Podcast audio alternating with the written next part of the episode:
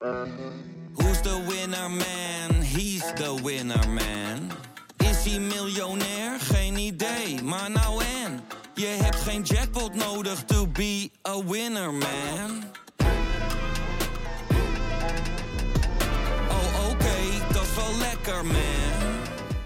Bine ați venit la Knorr Podcast! Ne bucurăm că ne ascultați! Sunteți gata? Atunci să începem!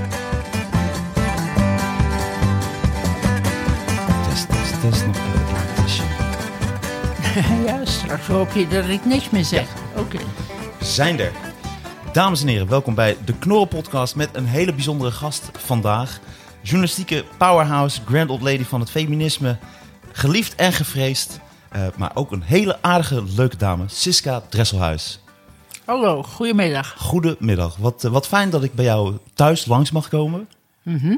Want jij weigert om bij... eh, jij weigert nog de deur uit te gaan om te Nou, doen. weigeren, dat is een beetje groot gezegd. Maar ik heb een lichte beroerte gehad een paar maanden geleden. En daar ben ik goed van hersteld. Maar het in en uit bussen, treinen, auto's, vliegtuigen enzovoort springen... dat zit er niet meer zo in. Dus nu hebben we dat omgekeerd tot een soort... Unique selling point. Zij ontvangt thuis. Ja, zo moet je er wat van maken, nietwaar? Ja, nou, het is een prachtig huis. Ik vind het heel mooi om hier ook eh, te zijn. Ik vind het wel spannend om jou te interviewen natuurlijk. Wel nee, wel nee. Ik ben een zacht ei, kom op. Maar je bent misschien wel een van de beste interviewers van Nederland. samen met Sonja Barend, denk ik. Nou, ik weet het niet. Dat moet je niet tegen Frank van der Linden en Koen Verbraak zeggen, denk ik. Kom Verbraak vind ik overrated. Wat vind je die? Overrated vind ik echt... Die, Oh, ja. jij bent zo'n jongen die Engelse woorden gebruikt. Nou, eh, ik ga niet over collega's spreken, maar ik weet...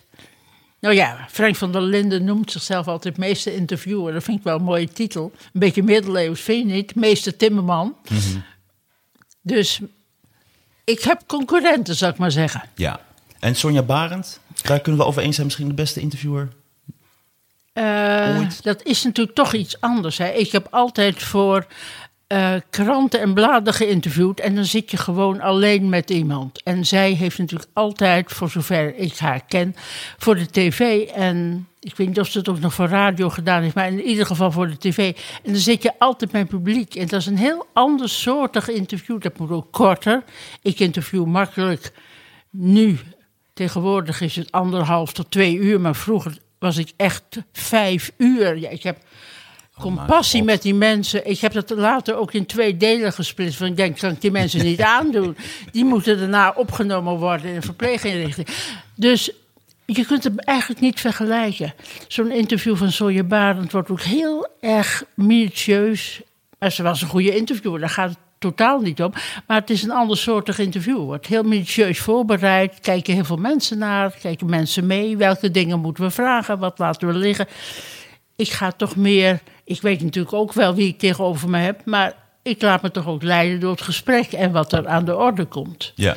Ik proef dus een, klein beetje jaloezie. Jegens eh, Sonja. Maar dat geeft niks.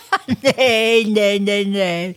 Helemaal niet. Want zij was daar heel erg goed in. En zij zou dat nog goed kunnen, denk ik steeds. Maar nee, nee, geen jaloezie. Ik denk dat ik dat ook heel eng gevonden zou hebben. Om dat te moeten doen voor tv. Ik vind het in de beslotenheid van je eigen kamer. of van de kamer van iemand anders. Want vroeger interviewde ik natuurlijk altijd bij de mensen thuis. Ehm, dat heeft iets heel vertrouwds. Iets wat niet eng is. Staan geen mensen met camera's om je heen. Als je naar de wc moet, kun je zeggen: Mag ik naar de wc? Nou, ga dat maar eens. In een live televisieuitzending mag ik naar de wC. Nee, doe het maar in je broek. Ja. Dat deed ik wel eens hoor. Oh, dat deed je wel? Durf je niet van die tafel af. En dan het, ja, absoluut. Als, jij, als jij geweest was, moet er gedwijld Ja, worden. absoluut. absoluut. Oké.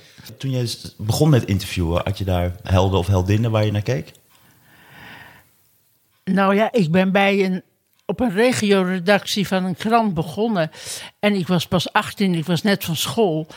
Ehm, en toen mocht ik ook interviewtjes doen van het genre. Ik ben van mijn fiets gevallen, ik heb mijn enkel gebroken. Oh, oh, oh. Dus eh, vlam in de pan, friet gebakken, niet goed afgelopen. Zeg maar dat soort interviews. Dus dan kom je heel langzaam, heel langzaam, kom je uiteindelijk tot de grotere interviews. Dat duurt echt tientallen jaren. Ehm, Als je vijf uur interviewt, hoe hou je die nou, dat, spanningsboog dat dan heb ik maar één of twee keer gedaan. Dat was veel te gek. Dat was voor de meterland bij opzij. En daar moest ik ehm, die mannen, zoals gezegd, langs de feministen meterland leggen. Maar dat was eigenlijk maar een onderdeel Want ik van, schrok van toen ik het dat las. gesprek. Ja, Ik nee. schrok toen ik het las, want ik, ik las, je hebt maar liefst 169 mannen ge, al geïnterviewd. Ja, ja, en nu nog meer. Want ik heb Ja. er natuurlijk, nadat ik bij opzij ben weggegaan, heb ik mijn mannenkennis ingezet voor een ander blad. En ben ik dus mannen blijven interviewen. Dus dat is een heel speciale tak van sport. Want praat je liever met mannen of met vrouwen? Mannen. En waarom? Eh, vrouwen hebben, zoals dat heet, heeft een collega heeft dat mooi tegen mij uitgedrukt, die hebben een derde oog. Dat betekent dat ze tijdens een interview en met name dan ook bij het uitwerken daarna en het fiateren van het interview een derde oog hanteren. En dat is het derde oog van mijn buurvrouw, mijn tante, mijn moeder. Dus ze kijken heel kritisch naar het verhaal. Niet alleen met hun eigen ogen, maar ook met, het, met de blik van alle andere vrouwen, meestal vrouwen, om hen heen. En dat geeft eh, dat ze heel vaak veel meer opmerkingen en aanmerkingen hebben. Dat ze vaker ook terugschrikken voor dingen die ze zouden willen zeggen of hebben gezegd. En vragen of die er weer uit kunnen. Vrouwen zijn veel onzekerder in wat ze zeggen en wat ze dan naar buiten durven laten komen. En dat is lastig. Er zijn, ik heb wel hele moeilijke zaken met mannen meegemaakt. Dat ze toen ik net vertrokken was uit hun kamer, dat ze maar onderweg al belden: kun je alles weggooien? Maar dat is maar heel zelden gebeurd.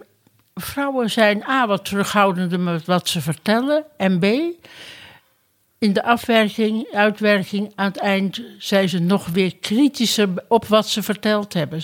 Precies, ik vond het mooi uitgedrukt. Ik dacht dat mijn collega Nathalie Housloot van de Volkskrant die term gebruikte. Ze hebben een derde oog. Vind ik een mooie, mooie term. En dat derde oog wil zeggen, want... Mannen je- hebben dat derde oog niet. Die zijn.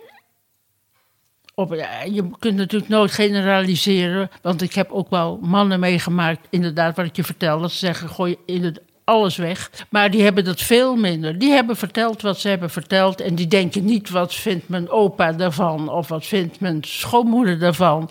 Die staan toch meer voor hun verhaal. Nou, het is wel grappig dat ik dan toch een kleine uitzondering ben, want we hadden een interview gedaan. ik, ik, ik, ik kende jou eh, van, het, eh, van de podcast die je met Jan Slachter hebt. Ja. En toen raakten we aan de praat. En eh, dus toen hebben we daarna heb ik een interview. Heb jij mij geïnterviewd voor Nouveau? Ja. Eh, dat ging onder andere over mijn moeder. ja, want dat is een van de thema's die ik Ja. altijd Ja. neem.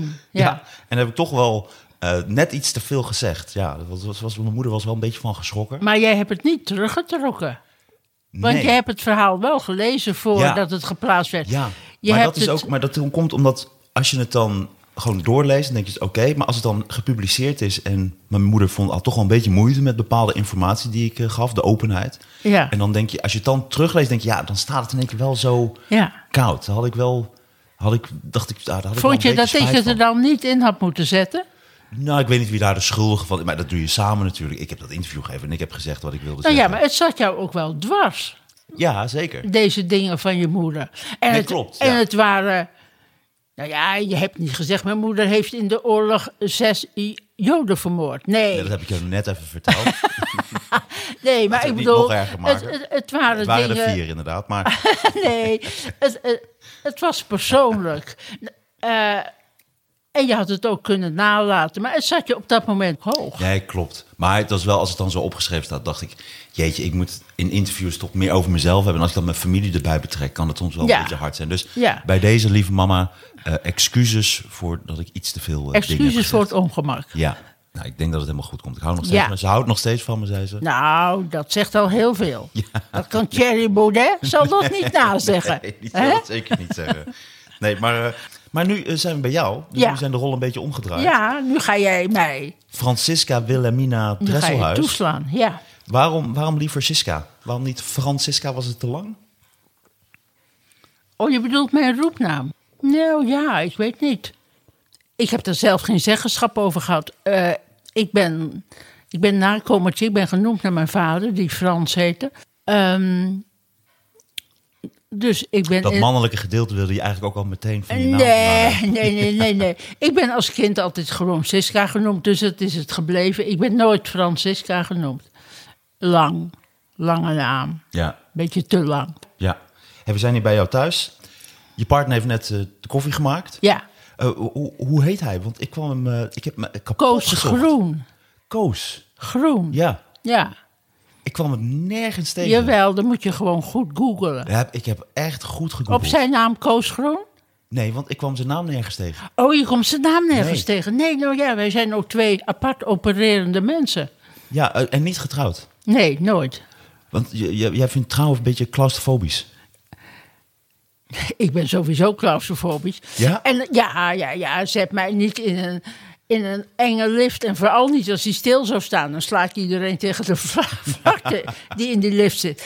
Ehm, nee, ik ben niet getrouwd. Eh, ja, ik zag er geen enkele reden toe. Wij wilden allebei geen kinderen.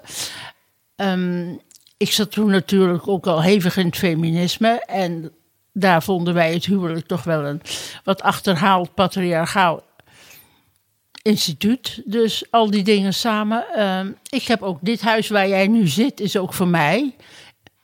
Boven is van mijn man. Ik zeg wel mijn man, want ik vind als je 80 bent zoals ik, vind ik mijn vriend vind ik een beetje sneu. Ja, Eh, mijn lover. Maar dit is dus voor mij. Ik heb een eigen hypotheek. Ik heb, eh, hij heeft ook eigen hypotheek. Wij hebben alles altijd samen. Maar dingen die ook belangrijk zijn, hebben we ook apart gedaan. Financieel, met name bijvoorbeeld. Ik vind dat En toch staat hij wel een beetje boven je dan nu. eh, qua Ja. dit huis. Ja. Ja. en hij is ook de enige die het koffiezetapparaat kan bedienen. Dus in die zin staat hij ook boven me. Zij staat ook in de keuken. Hij kookt ook altijd. Ja, al jaren. Nou, wat fijn. Ja, fijn hè? Ja. Nee. Wie, wie, heeft, wie heeft de broek aan hier thuis? Nou, dat gaat om en om, denk ik. Jullie wisselen van broek? Wisselen van broek. Tegenwoordig heb je toch unisex broeken. Dus dat is heel handig. Er zitten geen gulpen meer in, Jullie hebben volgens allebei mij. dezelfde, maar wel in dezelfde kleur. Ja, Ja. zwart. Wat, wat, wat vindt eh, Koos jouw meest irritante eigenschap?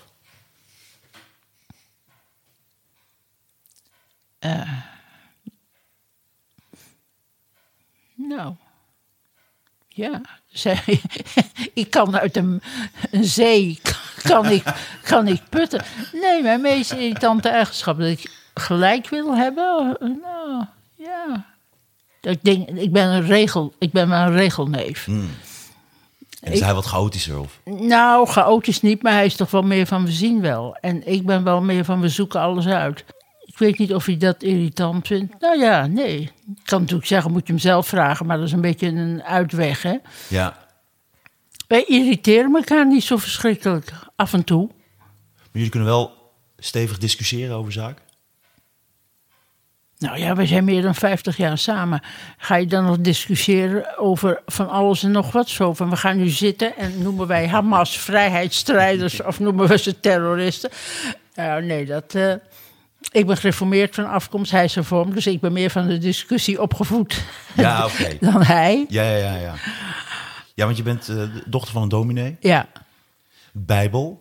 Ben je opgevoed? Ik ook. Ja. Natuurlijk, eh, daar, daar raakten we ook mee. zo zijn wij met elkaar in contact gekomen. Ja, niet via de gereformeerde jeugdvereniging, maar meer van de vereniging van afvallige gereformeerden. Ja. Die bestaat ook, denk Ja. ik. Je vader als dominee, was hij heel dominant daar ook in? Mijn vader is heel jong overleden. Dus Toen ik, je elf was. toen ik elf was. Dus ik heb mijn puberteit en mijn volwassen worden en alles al helemaal buiten eh, Hij was toen nog de kerk. vervelend. Ja. nou, vervelend weet ik niet. Ik was heel verlegen. Ben ik eigenlijk nog. Maar, ehm, dus die doem van het dominees zijn was al weg toen ik nog op de lagere school zat. Dus die heb ik in mijn puberteit, zoals mijn zussen en mijn broer, die hebben dat wel eh, onder, ja, moet ik toch zeker zeggen, een soort doem van het dominees zijn van je vader. Want dat legt wel een, een eh, druk op je als kind. ja, dat kan ik me voorstellen. Ja. Ja, ik kwam in een interview een uitspraak van je tegen die me wel wat deed. Omdat daar vertelde je dat je eigenlijk niet zoveel herinnert van je jonge jaren. Nee. Daar vond ik een beetje wat een triestheid in zitten. Ja, Ja, dat is ook zo. Ik herinner me eigenlijk heel weinig van mijn jeugd. En ik weet ook niet zo goed hoe dat komt. Misschien kan dat komen door die plotselinge dood van mijn vader. Dat dat zo'n césuur is. Dat wat daarvoor ehm, allemaal gebeurd is, dat het toch voor een deel weggevaagd is. Ik weet het niet. Je zou daarvoor in. Hoe heet dat? Therapie. Ther- ja, nee, therapie. Nee, dat is eh, tegen, eh, tegen trauma's. Nee, maar dat je je een soort reïncarnatie... Nou ja, geen reïncarnatie, maar waarin je je dingen... ehm, psychotherapie of wat is het? ja, nee, psycho, Ja. nee, ik bedoel dat je in trance wordt gebracht. Ah ja. Ja? Maar goed, dat heb ik er allemaal niet voor over. Nee. Misschien een keer kun je dat ook met LSD doen of in andere. Nou, dat vind ik nog enger. Ja. Maar misschien is dat, kunnen we een keer kijken. Misschien de volgende keer de podcast. Of kom jij gewoon met LSD langs? Nee, ik vond het zo'n zo'n zin dat ik dacht van dat dat een beetje. Nou ja, ik herinner me natuurlijk wel zakelijk. Ik herinner me van alles. Maar als je mensen soms over hun jeugd hoort praten... Van, en toen ging ik dit naar school en toen gingen we daarheen... en denk ik, oh, wat weten die veel? Zoveel weet ik niet, nee. Ik kan me wel voorstellen als je zo jong bent als, als elf jaar en je vader overlijdt. Mijn vader is drie jaar geleden overleden. Ja, En daar ben ik ook nog steeds mee bezig. En dan Ja. ben ik al inmiddels 44. ja. Maar dat lijkt me als kind ontzettend. Nou ja, ik was ook een erg vaderskind. Hoe de kleine Siska. Maar goed, ik was eh, dus heel erg met mijn vader wel verbonden. Want zoals dat gaat bij een dominee, die heeft geen vaste werktijden. Dus die was gewoon door de week heel vaak thuis. En dan ging hij met mij op stap. Die was een van de eerste bezitters in Roermond van een Solex. Nou kun je nagaan. Dat is nu ongeveer een Ferrari. Dus dan gingen wij op de Solex, ik achterop. En dan gingen wij door Roermond, waar wij woonden, en omstreken liet hij mij van alles zien. Van kijk, hier komt een tunnel. Oh ja, interessant, hier komt een tunnel. En had al een grote puntzak met groentjes, gemengd met drop, had hij voor mij gekocht. Ja, kijk, ik weet natuurlijk toch nog wel veel. En die mocht ik dan helemaal in mijn eentje zitten opeten, achter op die Solex. Kijk, mijn zussen en broer, die waren toen al hoog en breed puber of bijna volwassen. Dus die hadden niet zoveel met hun oude vader. Ik zeg oude vader, maar hij was toen nog niet eens zo oud. Dan ik als kind. Ik had veel meer contact met hem eigenlijk, denk ik. Toen ik nog op school zat, hadden zij de school allemaal achter de rug. Dus dat is natuurlijk een heel ander eh, tijd van leven heb je dan. Hadden jullie wel huisdieren? Nee, Oh. terwijl ik een enorme poesenfan ben. Maar Ah. ben ik door mijn man geworden. Wij hebben een poes, die is nu weg. Die is altijd bang als er iemand binnenkomt. Dus die heeft jou gezien en is weggegaan. Nee, Hoe heet die? ja, wij hebben wel huisdieren gehad. Ik denk in de oorlog, maar... Ja, om te eten. De de nee, zeg, het was een Sint-Bernardshond. Nou, die Oh, eet, dat je, lekker. Dat grote. die eet je niet op. Nee, en toen hadden we geloof ik ook een poes. En toen hadden we ook konijnen. Oh, dat zijn een heleboel huisdieren. Wij hadden toen huisdieren en toen we van Friesland, want wij woonden eerst in Friesland. Ik ben ook in Friesland geboren. En toen wij van Friesland naar eh, Limburg, naar Roermond zijn gegaan, hebben we nooit meer huisdieren gehad. Geen idee waarom. Ik denk dat mijn moeder niet zo'n huisdierfan was. Vrees ik. En nu heb je wel een kat. Hoe heet die? Poes, Poes. Sorry. hoe, hoe heet de poes? Hoe heet ze? grijspoot. Maar ja, dat is geen naam, hè, grijspoot. Als je dat op straat roept, kun je wel gelijk opgepakt worden. Dan denken ze dat je aan oudere mishandeling doet. Grijspoot. Nee, poes. Lief. Ja, ik ben een enorm dierenfan. Wat ik ook leuk vind bij de dieren is dat... Als je het hebt over de verhouding man-vrouw... is dat bij de dieren zijn vooral de vrouwtjes... Leuker, hè? Mooier. Nee, dat is niet helemaal Nee? waar. Nee, want vaak zijn de mannetjes mooi... want die moeten de vrouwtjes aantrekken. Oh, dus maar ook, wat- zie je vooral bij vogels. Hè, zijn de mannetjes Ja, dat zijn de mannetjes mooi, ja. prachtige kleuren... en grote veren om de vrouwtjes Ja, aan te bij de leeuwen ook. Leeuwinnen zijn een beetje sneu. En, en echt een mannetjesleeuw van een prachtig... Grote manen. Grote manen. Die zien er altijd wel verrot uit. Ik vind de leeuwinnen er altijd wel prachtig uitzien.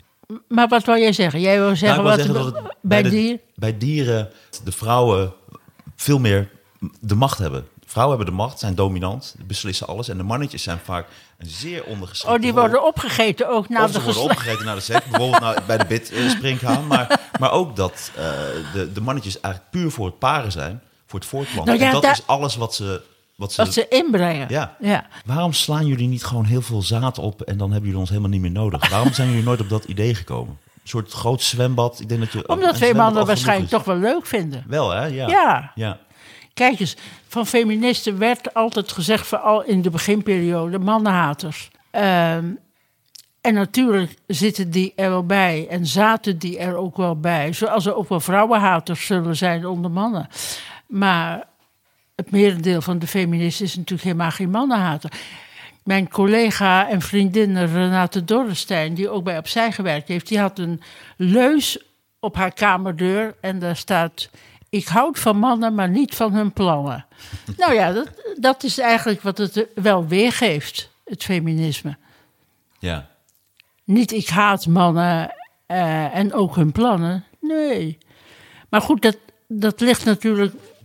Soms kan dat elkaar overroelen. Hè? Dat je denkt, ja, die mannen maken die plannen en dus deugen de mannen niet. Daar zit natuurlijk ook wel een verband. Want een deugende man maakt hopelijk geen heel fout plan. Dus als je een heel fout plan hebt, is de kans ook groot dat daar een foute man achter zit. Dus de leus is wel een beetje te mooi. Maar ik vind hem toch wel leuk. En ik denk dat ook maar heel veel mannen niet echt plannen hebben, maar dat het lijkt alsof ze plannen hebben. Maar dat hebben ze helemaal niet. Nou ja, dan steunen ze plannen van anderen Ah, die ook niet deugen. ah. Snap je? Want het zijn dus vaak plannen, mannen, als mannen plannen hebben, zijn dat vaak niet deugende plannen. Dat waren ze heel vaak, ja. Namelijk altijd erg op zichzelf gericht en hun eigen leven en hun eigen bestaan en hun eigen eh, dingen die ze leuk en goed vinden bevorderen. En niet met een oog op, maar wat betekent dat dan voor vrouwen? Weer dat derde oog. Komt nou, dus een, eh, het ontbreken, zou je bijna zeggen, van derde oog. Ja, geen idee hebben. Ik heb heel veel lezingen gehouden in mijn leven. En heel veel voor zalen met mannen. Want dan vonden de Rotary, hè, die bestaan nog altijd, maar die bestonden toen ook al. En die waren toen nog echt helemaal gesloten voor vrouwen. Die vond het dan leuk om mij als spreekster te vragen. Want dan had je natuurlijk weer reuring in de club. ik denk dat je nu wel een club omschrijft met wel de echt de...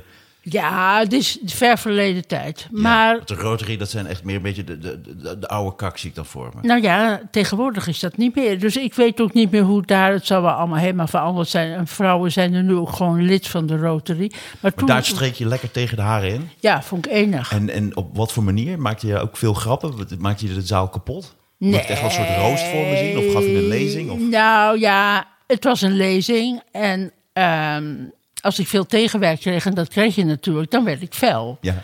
En als ze zeiden, ja, god, het is eigenlijk ook wel heel erg, dan dacht ik, nou ja, kom op. Er is best nog wat aan te doen, hoor, mannen, kom op.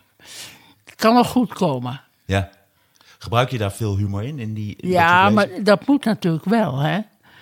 Eh, maar naarmate je steviger in je schoenen staat... en de beweging waarvoor je staat ook steviger in de schoenen staat... kun je meer humor permitteren. Eh, vroeger werd er ook altijd gezegd... ah, feministen zijn mannenhaters, B, ze hebben geen gevoel voor humor. Je kunt er nooit meer lachen. Dan valt dat al erg mee, maar... Het is natuurlijk wel zo, als je een strijdbare beweging bent en je moet voor vechten, is niet het eerste waar je aan denkt humor. Hè? Is, humor heeft voor mij in ieder geval heel veel met zelfspot te maken. En als je iets wil bereiken, begin je niet gelijk te zeggen: Sorry dat ik besta. En ik ben eigenlijk ook maar. eh, eh, ja, ik ben ook maar heel gewoon en, en een bang mens en zo. En dan ga je niet jezelf bespotten. Je kunt je pas humor permitteren als je een beetje iets bereikt, denk ik. Als je een beetje iets bereikt hebt. vind ik heel interessant dat je dat zegt. Omdat Ja, vooral die zelfspot, ja, omdat zelfspot zo belangrijk is. ja. Je moet toch eerst, om de boodschap over te laten, eh, over te laten Ja. komen, toch eerst jezelf eventjes ja, de maat nemen. Of Ja, maar misschien kan om- dat tegenwoordig beter. Maar moet je je voorstellen dat ik dateer uit een tijd dat vrouwen nog niet bij de politie mochten. Nou, nou, ik begin nou maar allemaal nog niet op Nijenrode mochten. eh, Van alles niet mochten. Dan begin je niet met jezelf een beetje te relativeren. Hmm. Dan moet je natuurlijk wel beginnen met een beetje eisen te stellen. Maar- Wij maar willen erbij. Nou, Omdat dan, zij, zij hebben al zo weinig eh, een hoge pet van je op. En als je dan zelf ook nog begint te zeggen: sorry dat ik leef, ja, dan kun je beter thuis blijven. Ja, maar zelfspot wil niet zeggen sorry dat ik leef eh, natuurlijk. Nou ja. zelfspot kan op allerlei manieren. Dus Ja, maar je begint, nou ja. Nee, dat mag ik niet zeggen. Nou, zeg. Nee, nee. is- Maar je begint een, een, ehm, een strijd niet met jezelf kleiner te maken. Ook niet met jezelf groter te maken. Maar je begint, denk ik, een strijd met dingen te vergelijken van waarom is dat voor mannen zo en voor vrouwen zo. En wij willen er graag ook van genieten van diezelfde voordelen die zij hebben. De, nou, voordelen of gewoon hetzelfde leven, dezelfde dingen die, die zij kunnen, willen wij ook graag kunnen. Nou ja, Joke Smit is voor mij nog altijd een voorvrouw. Ehm, ook al is ze al lang niet meer onder ons, want zij heeft zeer veel goede dingen gezegd en geschreven.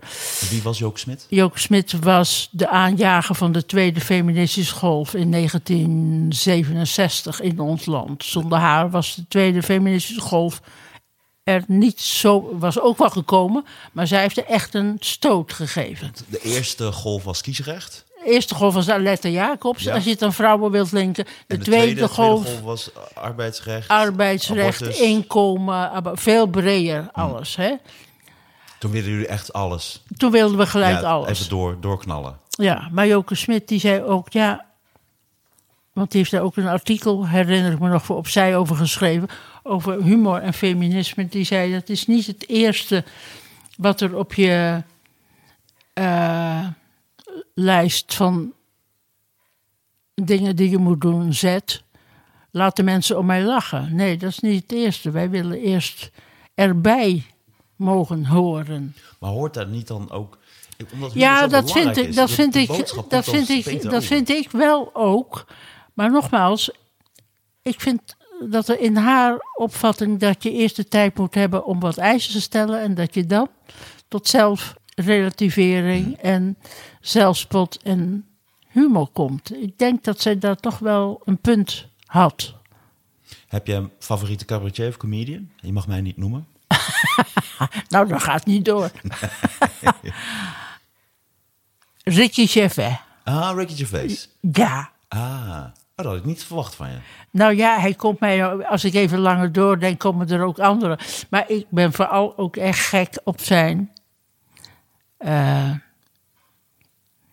nou ja, die series die hij gemaakt heeft, The Office en zo. Maar hij heeft nu ook een prachtige nieuwe serie gemaakt. eh, dus hij- Die is ook heel humoristisch, van Afterlife. Oh, wat is die mooi. Die beelden van hoe hij daar op die plattelandsredactie van die krant met die fotograaf. En dan moeten ze weer met z'n. Waarom spreekt mij dat ook zo aan? Omdat ik ook op zo'n lullige redactie begonnen ben. En dat ze dan met z'n tweeën moeten uitdrukken om weer een man te interviewen die de grootste pompoen van het dorp gekweekt heeft. Ja, Ricky Gervais kan bij mij niet stuk. Daar moet jij hard om lachen. Ja, heel erg.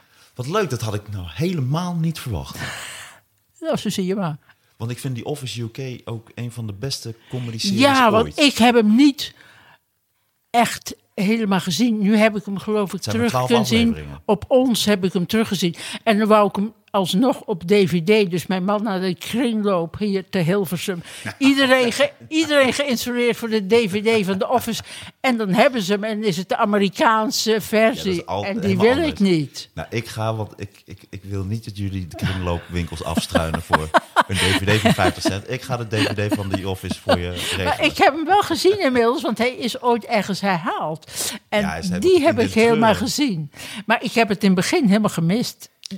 En dat was ook zijn absolute doorbraak. Maar dat is zo briljant en Ja, zo goed maar geschreven. ook die series daarna dat hij. Want die staan op, Net- op Netflix. Dat hij eh, zijn vader in een verzorgingshuis, een bejaardenhuis zit. En dat hij daar ook steeds. Ja, god, hoe heet hij? Nou ja, ik heb wel drie of vier series gezien met, eh, met Ricky Gervais. Volgens mij staan die op Netflix. Wat ik knap aan Ricky Gervais vind, is dat hij overal een mening over kan hebben. Ja. En zich binnen elke discussie zich zo goed weet te manifesteren. Zonder dat hij echt een kant lijkt te kiezen. Waar dan ook. Dat heb ik ook met Marcel van Roosmalen. Hij is zo zichzelf. Dat heb ik bij Ricky Gervais ook. Ja.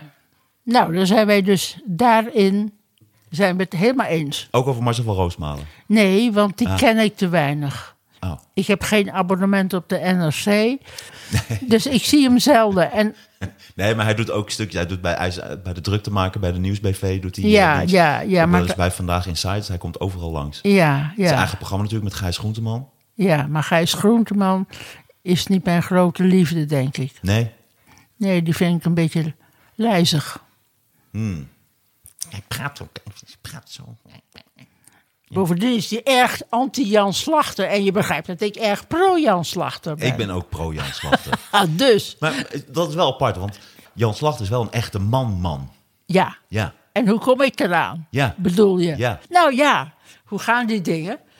Ik interviewde Jan Slachter. Ik heb jaren geprobeerd hem te interviewen. En altijd zei hij nee. En toen opeens zei hij ja. En eh, toen zaten wij in een interview. Anderhalf jaar geleden of twee jaar geleden. En wij hadden alle thema's behandeld. Namelijk zijn moeder.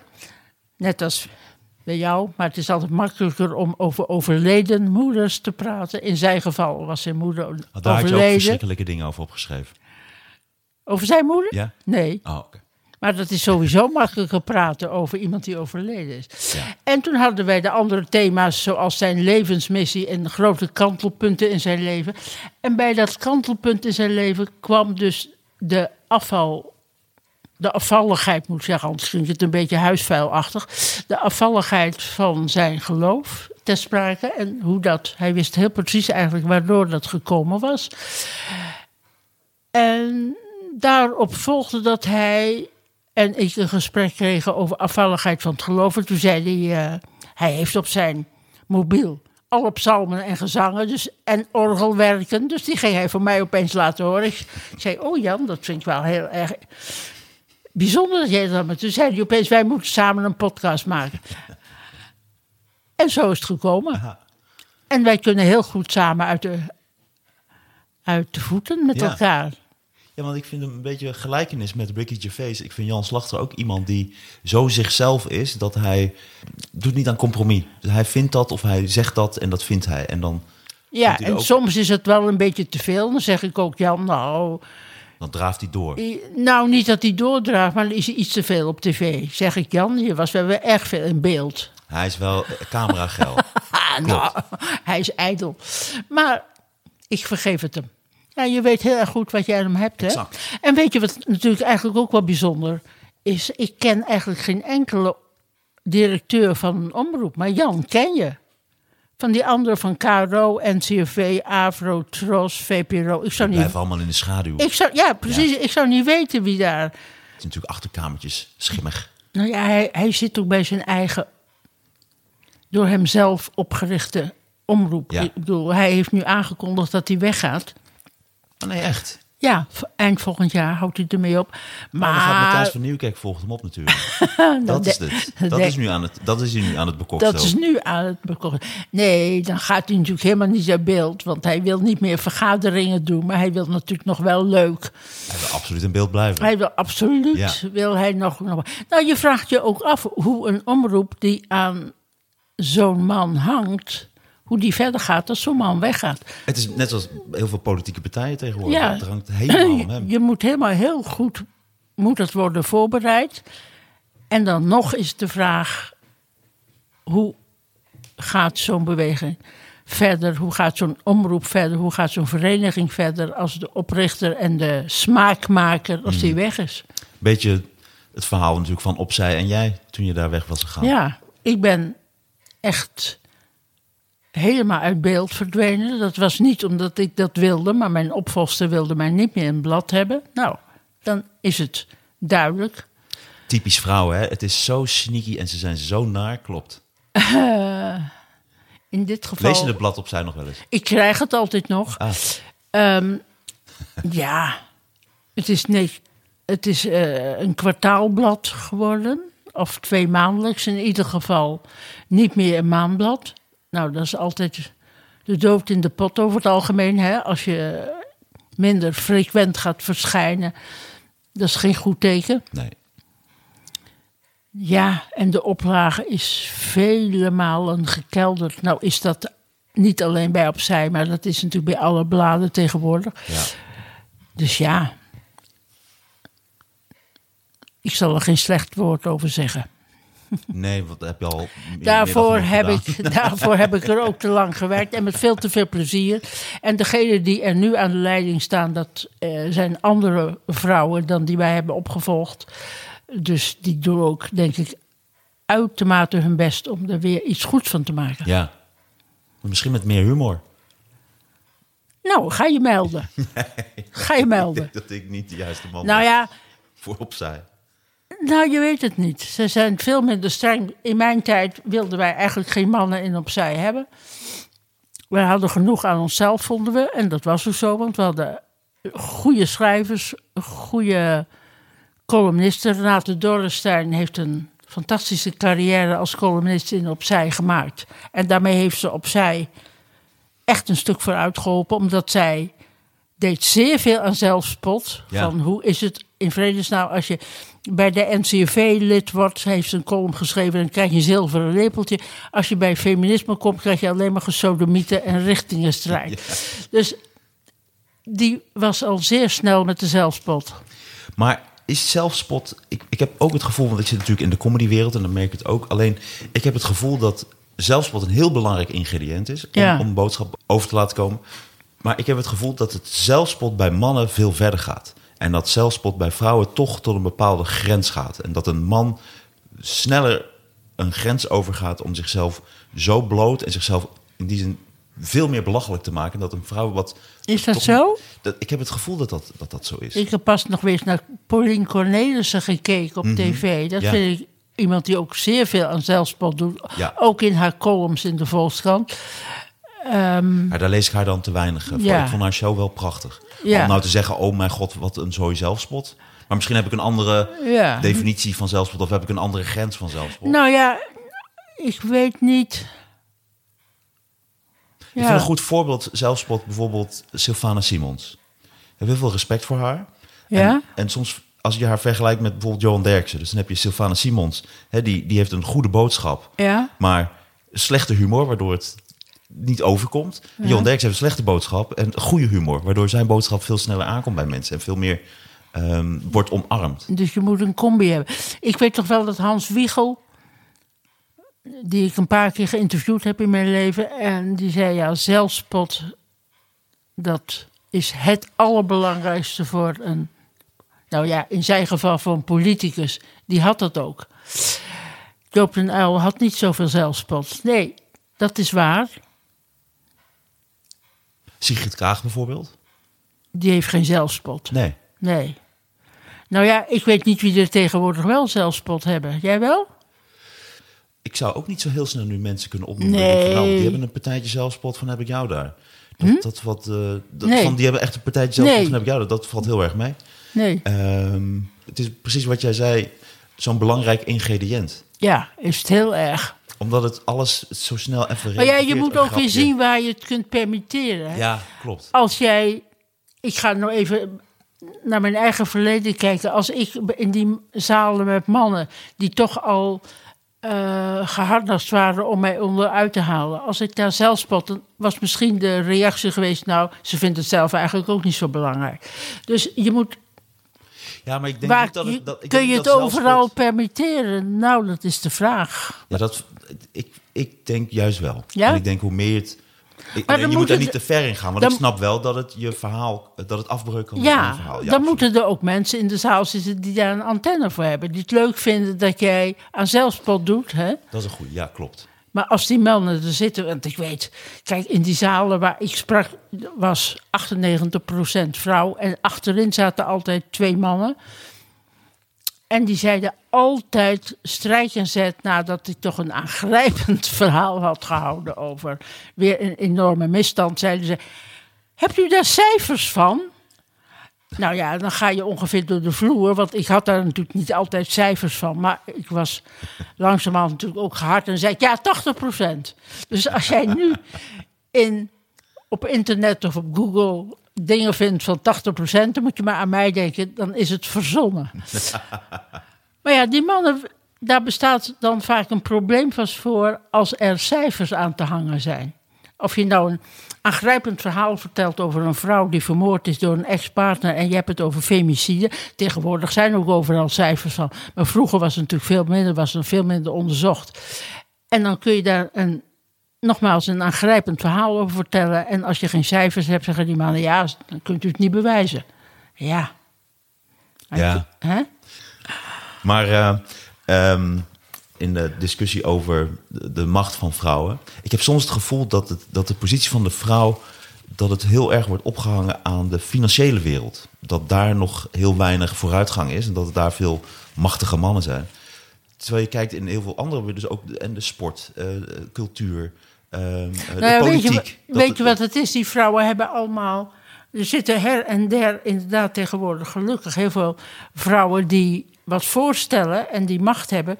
Maar als je dan kijkt naar wat daar weer voor een laag boven zit, de managementlaag, dat zijn dan vaak toch ook wel weer mannen. Ook in de sport. Kijk nou bij de, ja, ik ben geen sportmens, maar Hmm. bij al deze koepels zitten toch allemaal de Louis van Gaalen en de Michael van Pragen. Goed, ik noem al een paar oude, maar goed, ze worden nou weer teruggehaald bij Ajax. Bij Ajax, ja. Maar Waar wel een aantal dames er inderdaad uitgaan. daar zitten niet veel vrouwen. Weet je waar, waar je wel opeens vrouwen ziet, en da- daar ben ik altijd heel huiverig voor. Ehm, als het bij een bedrijf niet goed gaat, zoals eh, of er problemen zijn bij de KLM of weet ik wat, of bij het spoor, dan komt er opeens een vrouw. Denk ik, oh hemel. Maar nu zetten ze er wel eentje Het is bij mannen niet gelukt. Nu komt er een vrouw en je zal zien, het gaat daar ook niet lukken. En dan is het weer een vrouw die mislukt is. Oh, oh, oh, oh. Je zou dat niet meer een duistere reden inderdaad hebben. Dat ze dan denken, oké, nu het, nu zitten we sowieso in een soort schrikkeljaar. Hè? Het gaat nu even Nou ja, ik hoop dan altijd dat- een dat- aan de macht. Ik hoop altijd dat die vrouwen het dan lukt. Maar dan denk ik, het is al een aantal mannen voor hen is het mislukt. En dan komt er opeens een vrouw. En dan denk ik, oei. ja, en misschien hoop zit ik dat het dan, het gaat lukken. Ja, en misschien zit ik ook nog te veel. Ik heb natuurlijk eh, weinig verstand van de financiële wereld en het bedrijfsleven. Misschien zit ik in te veel nog in de sport en de entertainmentwereld. Want je hebt natuurlijk heel veel succesvolle vrouwen zoals Lizzo, Caitlyn Jenner, Nikki Tutorials. Ah, jij gaat ze oplezen. Je dat- hebt ze opgezocht. Of is dat mijn kortzichtige bubbel als, als man? Zijn? Nou ja, kijk nou bijvoorbeeld eens in mijn wereld, de krantenwereld. Ehm, daar zitten op het moment. Nou, als je twee of drie vrouwelijke hoofdredacteuren hebt, dan heb je het gehad. Bij het Algemeen Dagblad zit er een en bij Parool één.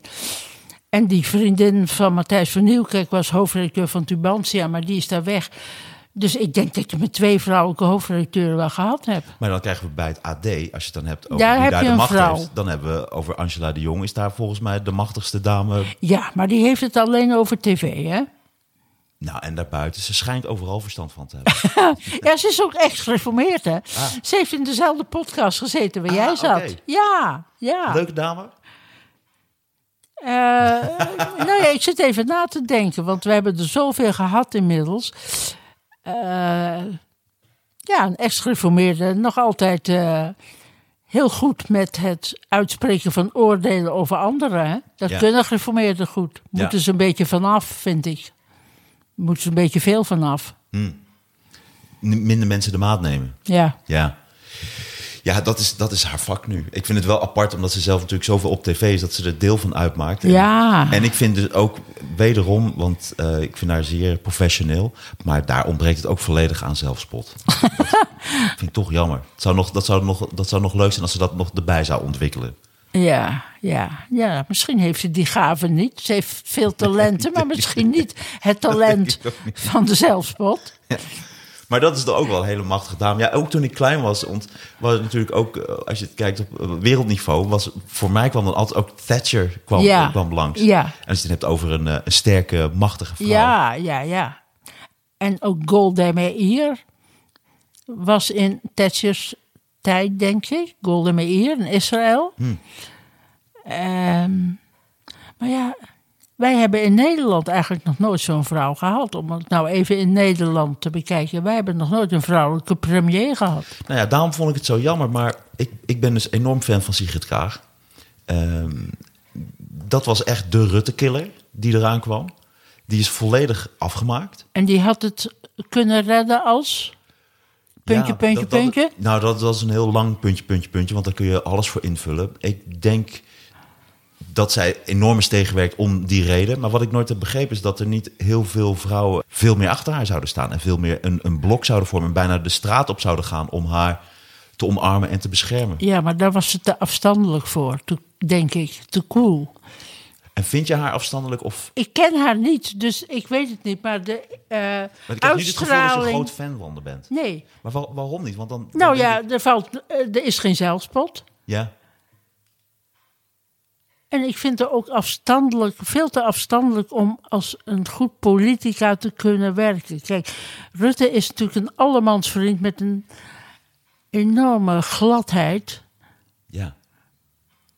Maar het kan toch niet zo zijn dat als er dan een. Maar een hij dame- kan wel mensen aan zich binden, denk ik, veel meer dan Kaag. Juist door zijn manier van doen. Ook met meer humor en zelfrelativering af en toe. Ja. Maar is dat dan weer. Dan komen we weer bij Sylvana en Johan Derksen. Dat is dan zou je dan bijna. ja, dan gaat het over de boodschap en over de persoon. Ja, maar wat Het is zo jammer dat mensen met een goede boodschap dan niet de juiste persoon zijn. Ja, of de juiste toon in daar, daarin Ja. te vinden. Nee. Maar is het dan niet apart dat je dan... Want dat vond ik zo... Ik ga niet een vrouw steunen omdat het een vrouw is alleen. Dat Nooit. snap ik. Nou, dat snap ik. Maar zou je niet een vrouw steunen ook op... Want is dan als... Wel iemand- op onderdelen zou ik zeggen, dit is schande dat het haar is aangedaan. Logisch. Maar ik zal niet, omdat ze een vrouw is, 100% achter haar gaan staan. Alleen daarom, nee. Maar ik merk dan bijvoorbeeld... Want je, noemt afstandelijk. Dat zeggen ook mensen. Hè, is elitair. Maar dan denk ik ook... Ja, zo, ze heeft een enorme hoge opleiding. En ze heeft heel veel dingen gedaan. Eh, maar dan denk ik... Dan maakt dan afstandelijk... Of dat zij elitair is. Of dat zij een bepaalde boodschap niet goed kan eh, formuleren. Ja. Of, of, is, zou dat dan de reden zijn dat je dan haar niet zou steunen? Dat snap ik. Want dat is dan toch, ze is dan toch een vrouw die voor het eerst. nou ja, ik zou kwam- geen D66 stemmen. Nee, dat snap oké. maar, dus maar dat, wat, daar gaat het bij mij voornamelijk om. Ik stem op een partijen en op mensen. eh, ik stem niet zozeer, denk ik, op mensen, hoewel ik het ook erg moeilijk vind om op een partij te stemmen waarvan ik de aanvoerders in ieder geval helemaal niet zie zitten. Dat- Maar je hebt sowieso moet er Inge- een coalitie gemaakt. Dus Is krijgt- ingewikkeld. Krijgt dan één partij nooit de macht. Dus zullen ze nooit Nee. alles wat zij willen. Maar Nee. is het dan niet zonde? Want dan hebben we het toch over iemand die bijna premier was. En zou zijn geworden. Dan is dat toch veel belangrijker Nee, voor de positie nee van voor, de mij, ja, voor mij dan toch ook weer niet. dat vind ik dan raar. Ja, dat is raar. Dat is Ja. zeker raar. Maar ik zou dan toch altijd nog wel gaande daar een vrouw zien... met wie ik mij niet op alle 100% alle punten verbonden voel... maar in ieder geval wel op een heel aantal punten. En iemand waarom ik nog nooit heb kunnen lachen... die ik nog nooit heb kunnen betrappen... Maar dat zou, op dat- zichzelf niet helemaal serieus te nemen... vind ik toch wel ingewikkeld. Dus dan maak je dat, is dan, is dat Nee, maar nogmaals, ik, ik, ik heb eh, al heel lang op Renske Leijten van de SP gestemd. Ik hoef hier allemaal niet heel eh besmuikt te gaan zitten doen. Zonder dat zij ook weggaat. Ja, dat is zonde dat zij weggaat. Ja. Ja, zonde. En, maar, en ook bizar dat uh, ja. Wie? Lilia Marijnissen. Marijnissen eh, blijft. Dat, dat begrijp ik werkelijk waar niet. Maar goed, dat is een heel ander. Daar zou een hele podcast over kunnen maken. Ja. Misschien heeft hij iets te veel zelfspot. Dat hij misschien iets met de neus op de feiten moet worden gedrukt. Ik denk dat zij bij nul zetels stopt. Oh, dat zou erg zijn, hè? Ja, daar gaan ze wel heen. Maar nog even, nog even terug naar, naar Sigrid Kaag. Dan, wanneer je iemand hebt die serieus Rutte uit het torentje had kunnen halen. Nog los van het feit dat het een, een vrouw was. Maar dit was echt de Rutte-killer. Dus het is natuurlijk ook, eh, zeker vanuit de kamp Rutte... is zij eh, nog meer kapot gemaakt. Ehm, dan, dan, dan snap ik dat toch niet helemaal. Dan denk ik toch, dan, Nee, dan, ben je ik toch alles te- wat je wil Dan als ben vrouw. ik toch te persoonlijk, denk ik dan toch. Dan denk ik toch Maar met niet. jou dus blijkbaar heel veel andere mensen. Want, en Ja. heel veel andere vrouwen. Ja. Dat het niet zo voor haar is opgenomen. Want weet je wat ik apart vond ook? Ik vind namelijk, dat vind ik wat zij slecht heeft gedaan... is dat zij dit zich volledig hebben laten aanpraten. Want het begon met haar verkiezingsoverwinning. Dat ze op die tafel stond. Prachtige foto. Daar werd van meteen, meteen werd daarvan gezegd... ja, die fotograaf die is ingehuurd. En ze hebben afgesproken dat als het zo zou gaan... zouden ze op tafel staan, een foto werd genomen. Denk ik, ja, dat, afgesproken. dat blijft, achteraf blijkt dat wel zo gegaan te zijn. Nee, maar dat is hè? toch ook logisch? Dat, zo doe je dat toch ook? Dat Je gaat Nou ja, maar dan ga je op die tafel staan en dan zeg je... ja, neem me niet kwalijk, het is natuurlijk een beetje... maar dat heeft, dat heeft mijn, foto, dat heeft mijn spindokter heeft gezegd dat ik dat moest doen. neem jezelf niet zo serieus en zeg dan ja dat ik hier sta. U ziet wel, ik ben niet een soepel type. Ik spring niet zomaar op de tafel. Dit heb ik met een trapje moeten doen. En ik doe het voor de spindokter. Maar dat neemt niet weg dat ik heel enthousiast ben dat ik gewonnen heb. Kijk, Precies mijn punt. dan had ik haar gestemd. Nou, nee. Ah, Oké, maar mooi. Want, want daarvan dacht ik, waarom zeg je dat niet gewoon? En toen kwam het tweede ding, ook weer iets heel kleins. Ze had in een documentaire. En toen ging het erover, ja, daar hebben ze stukjes uitgehaald. Want daar zou zij dan op bepaalde punten Ja. niet zo goed uitkomen. Ja. En daar dacht ik weer precies hetzelfde van. Dat, dat los je op door te zeggen, ja, dat is zo. Wij- maken een documentaire. En eh, bepaalde dingetjes zouden we problemen anders mee krijgen. Dat hebben we er echt eh, even uitgeknipt. Ja, je moet niet en daar komt alles- weer hetzelfde bij dat ik denk, dat, dat dan was het opgelost. Ja. En nu is dat. Nou ja, dan laten wij- aanpraten. dan- En in één keer was het D666 en is het een heks en, eh en, eh, Ja, en, en dat slaat, met fakkels in dat de... slaat natuurlijk nergens op. Maar Dat daar slaat begint toch wel op. die, die, de, de fakkels en dat mensen in de tuin staan. Dat is dan toch de, de, de, de eindfase. En het begint dan toch dat zij eigenlijk direct als machtige vrouw... dat haar de, de stoelpoten direct onderuit werden gezaagd. Nou, je, je zou, we hebben geen vergelijkingsmateriaal, helaas.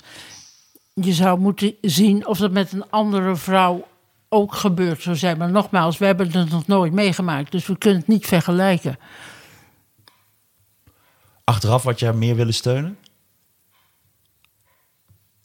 Want ik vind het toch Nou een ja, beetje dan een kleine... krijg, je, dan krijg je toch weer die ehm, overweging. Steun je iedereen omdat ze vrouw is. Nou, ja, maar dat Ook al dan- ben je het niet met de partij eens. Maar vind ik dan net iets te makkelijk, omdat je steun je een vrouw Zou, die, eh, die ga je een vrouw premier van? Nederland zou kunnen worden. Ja, maar Eh, Is het dan niet een beetje, ja, kleinzerig vind ik misschien niet het juiste woord. Ik Ja, bedoel maar- niet beledigend, maar dat ik denk van, oh, ik ben het niet helemaal met haar eens op bepaalde Ja, maar punten. zou- en dat had ze- in het begin even wat minder goed moeten doen en daarom steun ik haar niet. Dat, dan begrijp ik niet waar dan al die jaren Nou ja, zou ik- strijd voor, voor de machtspositie van de vrouw is gebleven. Ja, dat, dat- daar heb je een punt. Maar dan kunnen wij waarschijnlijk, want wij zijn ook mensen, dan toch niet over onze voor- en eh, oordelen, nou ja, vooroordelen of gewone oordelen heen stappen. En denken, hè, zou ik die op de thee willen hebben? Nee, moet het land leiden? Nou, dat is heel iets anders. Ja, maar dat je dan toch te persoonlijk kijkt of je iemand wel of niet mag, hè? Vind ik wel bijzonder. Hm? Vind, ik, vind ik bijzonder dan. Zou jij over van alles heen kunnen stappen en zeggen: en dan stem ik. ehm, Nee, maar ik snap je punt. Nou, Alleen over van nou- alles heen kunnen stappen. Maakt net of dat zo groot is dat zij eh, voor de doodstraf en, tegen, Nee, en, en- en voor het nee, mishandelen nee. van katten is. Het lijkt me heel sterk dat. eh, nou, als het dat zou zijn. nou ja, je hebt natuurlijk wel kans dat eh, mevrouw eh Jezus straks ook het eh, torentje in kan ja, wandelen. nou, ben ik heel benieuwd naar. En die vind jij prettiger. Qua mensen in ieder geval wel. En waarom? Ze kan soms zo uit de hoek komen dat je denkt: nou, dat is ook niet slim. die, heeft iets, die heeft op mij toch wel iets vertederends, terwijl ze. En ook Qua duidelijk partij- iets, iets simpelers als je het vergelijkt met partij, partij. Haar partij, daar heb ik helemaal niks mee, dus dat is het niet. Ik denk dat ik haar wat menselijker vind. Ja, wat toegankelijker eigenlijk. Ja, ja. Ja, dat, dat denk ik ook. Ik Alleen- heb haar nog niet op zelfspot kunnen betrappen, maar het zou me niet verbazen als ze die heeft. wel. Ja, heeft ze wel. Ja, ik heb haar ook wel eens ontmoet. Ze is wel een hele prettige dame. ook. Ja. Dat is het probleem met alle VVD'ers. Zijn hele leuke mensen. Ja, heb ik altijd gezegd. Ik heb natuurlijk heel erg veel, dan, heel erg veel mannen geïnterviewd. En met de VVD-mannen had ik altijd een veel prettiger contact. En achteraf nooit het gezeik wat ik met de PvdA-politici had. Wat kreeg ik met die Nee, maar mannen? omdat ook, ze houden geen rekening met gevoelens van mensen vaak. Nou, zeg, hou eens op, hou eens op, hou eens op. Ik weet Nee, wel dat de P van de A's, die wisten nooit hun, hoe hun chauffeur heette, de ministers. Maar dat wisten de VVD-ministers wel. Die wisten precies hoe dat die Jan-Pieter Klaas heette. Ja. En, en hoe het bij hem thuis gesteld was. Ja, nee, dat heb ik wel in mijn 30-jarige ambt van mannenfluisteraar heb ik dat ontdekt. Ja, ben- vind, je, vind je jezelf een man Ja, ik ben een mannenfluisteraar, ja. Voelt de feminist van nu zich veel meer slachtoffer? heb soms het gevoel dat vrouwen soms vergeten hoeveel ontwikkeling er al is. En dat er nog heel veel te winnen valt. Ja. Maar is er veel vooruitgang geboekt? Of is dat mijn, weer mijn beperkte blik die dat zo ziet? Nou, het zijn altijd verschillende dingen waar je over strijdt. Wat op het moment natuurlijk heel erg naar boven is gekomen.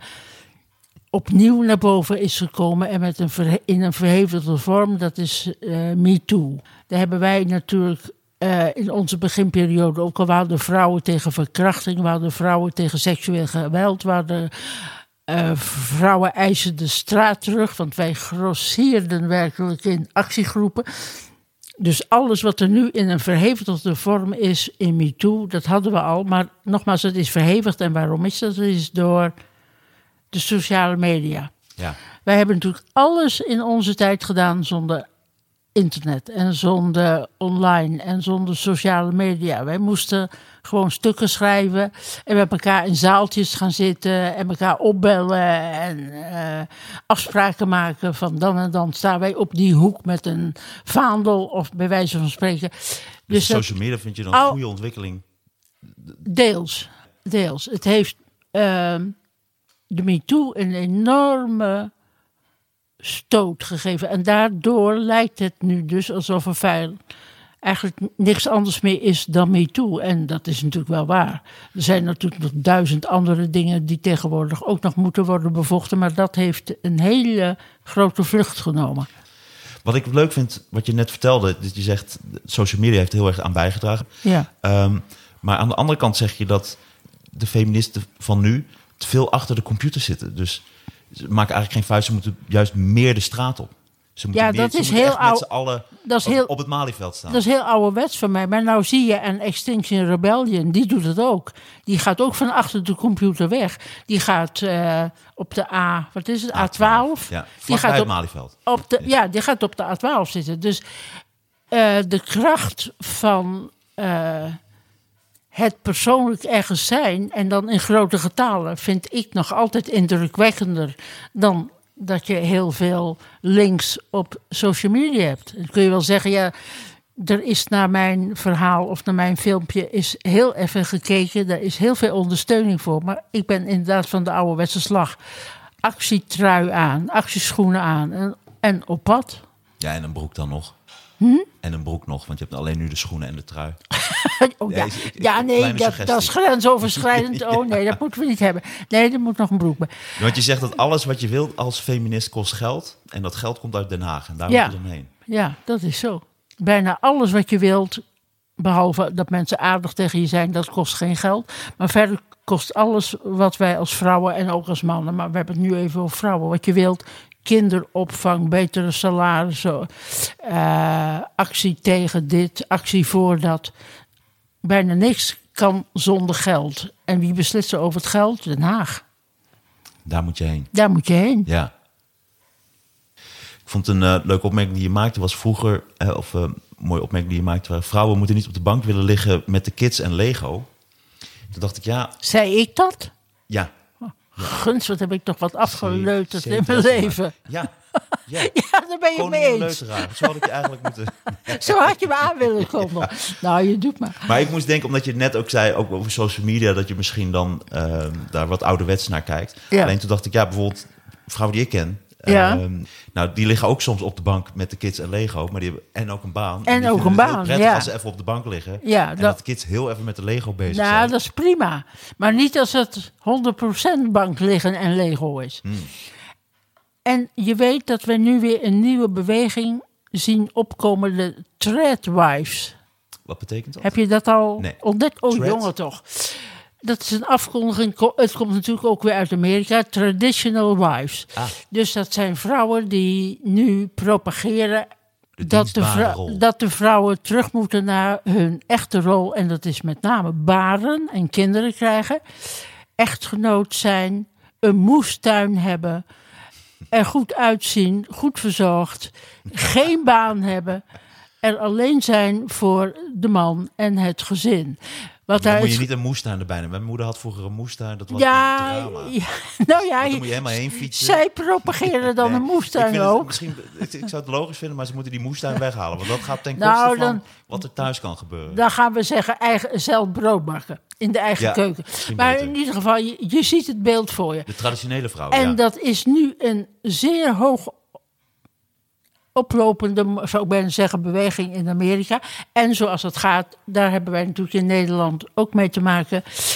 Ik, Maar dat is ook het conservatieve wat natuurlijk nu steeds dat heeft ook weer alles te maken, want dat vinden de rechtse politieke partijen in Ja. Amerika natuurlijk ook helemaal prima. Dus als je zegt er is zoveel bereikt, dat is ook zo. En er komen altijd terugslagen. Eh, Siska, ik vond het ontzettend leuk om je gesproken te hebben. Ik vond het heel leuk dat je in de Knol-podcast wilde komen. Je, kunt hier wel een tiendelige serie van maken. Ja, ik ga het natuurlijk helemaal in mijn Oh, voorbeeld je gaat het heel gemeen knippen. Oh, ik zie het nu wel staan. Z- Zijn er nog dingen die je had willen zeggen? Of dat je denkt van, goh, hoe vond je mij als interviewer? Hoe vond je- Ja, ik ben natuurlijk heel makkelijk te interviewen. Ja, dat klinkt een beetje sneu. Maar ik denk dat je als je moeilijker mensen voor je hebt... ehm, dat die misschien een beetje moeite kunnen hebben met je sprengerige manier van interviewen. Ja, En dat je dat dan zou kunnen opleveren dat ze een beetje dichtslaan. Snap je wat ik bedoel? dus Je moet kan- als interviewer, maar goed, dit is een podcast, dus dat is wat anders. Maar als interviewer moet je eigenlijk heel weinig vragen stellen. En alleen weer met een nieuwe vraag komen als je, de persoon tegenover je duidelijk uitgesproken is. Het is soms goed om even je mond te houden en denken: er komt nog wat. Er zit hier nog wel iets wat hij wil zeggen. En als ik er nou alweer met mijn vraag overheen kom, ga ik dat niet horen. Dus even zoals ik nu doe, blijven zitten en iemand aankijken en dan gaat iemand nog weer wat zeggen. Maar dat kun je met een podcast niet doen, want dan vallen er veel te lange stiltes. Maar als je voor een blad zou interviewen, eh, zou ik je dat aanraden. Nu gaan wij zwijgen en kijken wat er gebeurt. Want iemand valt, valt, vult namelijk eigenlijk altijd een stilte op. Ja, ik moet dat absoluut leren. Ja, Dat nou krijg ik ja. heel vaak te horen. En ook dat ik er doorheen praat. En, Voor een, wel... voor een podcast is het misschien niet zo erg. Maar kijk, ik ben wel eh, gehard in. Niet alleen in interviewen, maar ook in geïnterviewd worden. Dus ik vind het niet erg. Maar ik denk als je mensen tegenover je hebt die nog voor het eerst, of, maar die zul jij niet zo gauw in je podcast hebben, maar die voor het eerst of zo hun eigen verhaal moeten vertellen. Of denken dat ze dat wel durven. Maar dat valt soms echt tegen. En dan moet je ze even met rust laten. Even laten nadenken. En dan komen ze eigenlijk altijd wel met iets wat je de moeite waard vindt. Ja. ik merk het nu ook. Dit werkt ook prettiger. Dat had ik gelijk in het begin moeten doen. Mensen moeten zich ook op hun gemak voelen. Hè? En Maar daar ben ik wel goed in hoor. Mensen voelen zich wel extreem snel bij mij op hun gemak.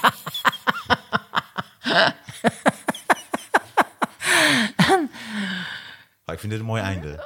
dat vind je mooi. Hè? Vooral dat hinneken voor mij, dat is heel leuk. Hè? Ja, dat hinneken is heel goed. Siska, dankjewel dat ik hier mocht komen. Dankjewel dat je in de Knorrel-podcast wilde zijn. En eh, ja, misschien tot een volgende keer. Lijkt me heel erg leuk. Oké, Ja, kom je nog een keertje luisteren? Of? het ligt eraan. Ja, oké. Ligt dan ook dit ook eh, Het ligt uiteindelijk? eraan of de mensen nu met fakkels voor mijn deur komen. Nee, ik denk het niet. Ik, eh, ik ruik de soep al, dus eh, we gaan lijkt, afsluiten. me, lijkt me stug. Ja, fijn dat je er was en ontzettend leuk. Dames en heren, dankjewel voor het luisteren naar de Knorrel-podcast. Steun varkens in nood, heel erg belangrijk. Hou je van varkens? Hou ik van varkens? Nou, nou, je dat zo zegt, ik denk het wel, ja.